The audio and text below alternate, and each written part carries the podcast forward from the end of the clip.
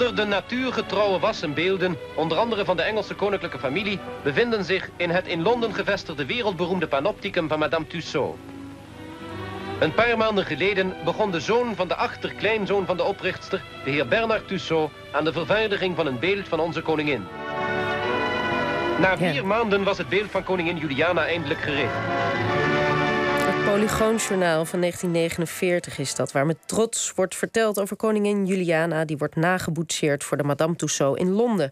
Maar sinds 1970 is er ook een Madame Tussaud in Amsterdam, waar je wassen beelden van beroemdheden op ware grootte kan bekijken. Maar wie was deze Madame Tussaud eigenlijk in het echt en wat hebben de wassen beelden te maken met de bloedige Franse Revolutie? Jacobine van den Hoek is hier, uh, die onlangs een roman over deze mevrouw Tussaud schreef, getiteld Madame. Welkom. Dankjewel. Ben je veel in Madame Tussauds geweest voor je, voor je onderzoek? Uh, ja, nou, in uh, Amsterdam ben ik uitgenodigd om daar naar de studio te gaan. Ze restaureren daar de beelden. In Londen maken ze de beelden, in Amsterdam restaureren ze. Dus daar heb ik heel veel informatie gekregen, ook over het maakproces, wat ik natuurlijk daarna in mijn boek heb kunnen verwerken. Ja, want uh, wanneer kwam je eigenlijk achter dat, dat er een daadwerkelijke historische figuur achter die toeristische trekpleister zit? Nou, ik schrijf voor mijn historische roman, ik schrijf, ik ben eigenlijk altijd op zoek naar sterke vrouwen. Vind ik leuk uit de geschiedenis. Uh, om via deze personage van deze vrouw iets te vertellen uit, uit ons verleden. Uh, en zo was ik op zoek en kwam ik via een tijdschrift historiek kwam ik eigenlijk Madame Tussaud tegen. En haar leven sprak me zo enorm aan, juist omdat wij eigenlijk allemaal haar naam kennen, maar niemand kent, of ja, niemand, maar bijna niemand kent de vrouw achter die naam. En uh, ja, en ze heeft een, een fantastisch en, en ook heel bizar leven gehad. Dus het is eigenlijk vreemd dat wij daar zo weinig uh, van weten. Ja, want als we naar dat leven kijken, kun je ons aan haar voorstellen. Wie was zij? Wanneer werd ze geboren? Ja, zij uh, is in 1761 geboren uh, in Straatsburg. Maar haar vader overleed al toen zij ja, eigenlijk net geboren was. dus haar moeder stond er toen alleen voor. Toen zijn ze meteen naar Bern verhuisd. En daar heeft een oom Curtius, die heeft het gezin, dus de moeder en Marie, opgevangen. En oom Curtius, hij maakte wassen beelden. En dus van hem heeft ze uh, haar ja, door hem uh, is haar passie ontwikkeld. En wilde ze ook wassen beelden gaan maken. Maar waarom maakte zij überhaupt wassen beelden allebei? Ik bedoel, wat, waarom deed die oom dat? Nou, hij, uh, hij werkt voor het ziekenhuis. Dus hij maakte uh, oorspronkelijk anatomische beelden van uh, lichaamsorganen en dat soort dingen. En die, dat, dat voor de studenten in het ziekenhuis. En op een gegeven moment, ik weet niet precies hoe dat is gegaan, maar op een gegeven moment dacht hij van hé, hey, dat is leuk. Ik, hij schilderde ook hoor. Het was sowieso een heel kunstzinnig man. En hij maakte dus wassen hoofden.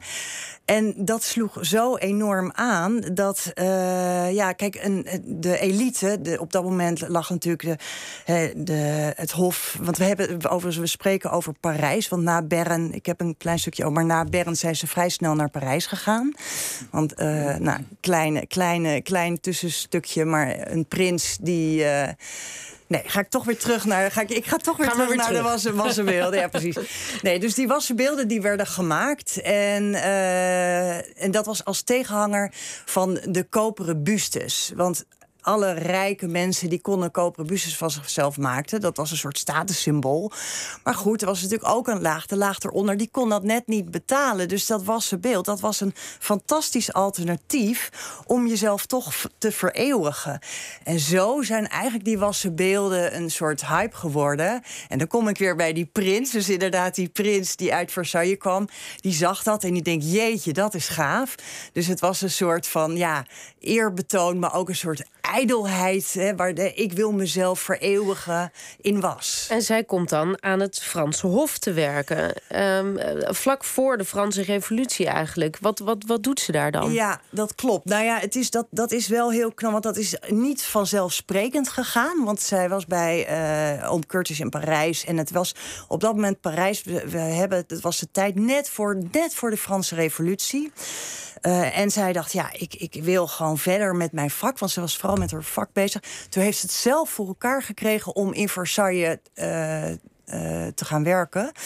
En daar heeft ze gewerkt. zij was artieste de sieren in het Hof in, Parijs, of in Versailles. En daar werkte ze voor Elisabeth. En Elisabeth was de zuster van Lodewijk de 16e. Ja, en zo kwam zij als een soort van burgermeisje. liep zij opeens in de gangen van Versailles. Maar dan komt dus die Franse revolutie eraan. Geen, geen pretje voor mans, mensen aan het Franse Hof. Hoe doorstaat zij die periode? En ja, wat, wat, wat gebeurt er met haar? Ja, zij is uh, op een gegeven moment wordt het. Er is, uh, dat is 5 oktober. Uh, 1789, dan ontstaat er een vrouwenmars. Het is later bekend geworden als de vrouwenmars. Dus heel veel vrouwen, burgers worden boos, want het brood is allemaal niet te betalen. Nou, en Ja, eh, het broodoproer naar Versailles is dat, hè? Ze trekken met z'n allen naar Versailles met hooivorken en messen. Precies, dus ze komen daar met z'n allen, ze komen daar aan in Versailles. En uh, op dat moment moet zij vluchten. Ik bedoel, het is daar gewoon hartstikke gevaarlijk. Nou, dat is ook een heel spannend element in mijn boek geworden. Maar het lukt haar uiteindelijk om te vluchten. Uh, Elisabeth, uh, koningin Marie-Antoinette en Lodewijk uiteraard niet. Dus die worden op dat moment ook gevangen gehouden. Maar dat is voor haar moment dat zij weggaat uit Versailles.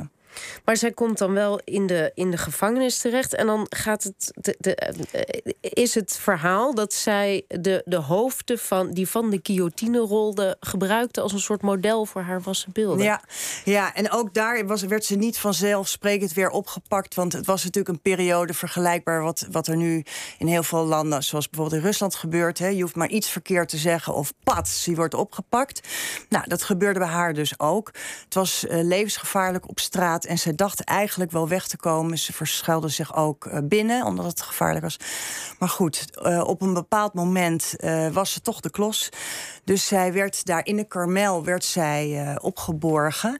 Overigens, in de Karmel, daar zat ook op dat moment Josephine de Bornet. Dat is wel een grappig detail. Dat is namelijk mijn vorige boek. En, ehm, maar goed dan komt er een moment dat jouw naam op een lijst wordt gezet en dat jouw hoofd dus gaat rollen. Nou, en dat is, dat is een, een, moment dat zij ook uh, toch uh, zichzelf weet te redden. Het blijkt dat zij uh, Jean-Louis David kent. En Jean-Louis David, dat is een schilder, was de rechterhand van de Robespierre. De leider van het terreur, de, de leider op dat moment van de Franse Revolutie.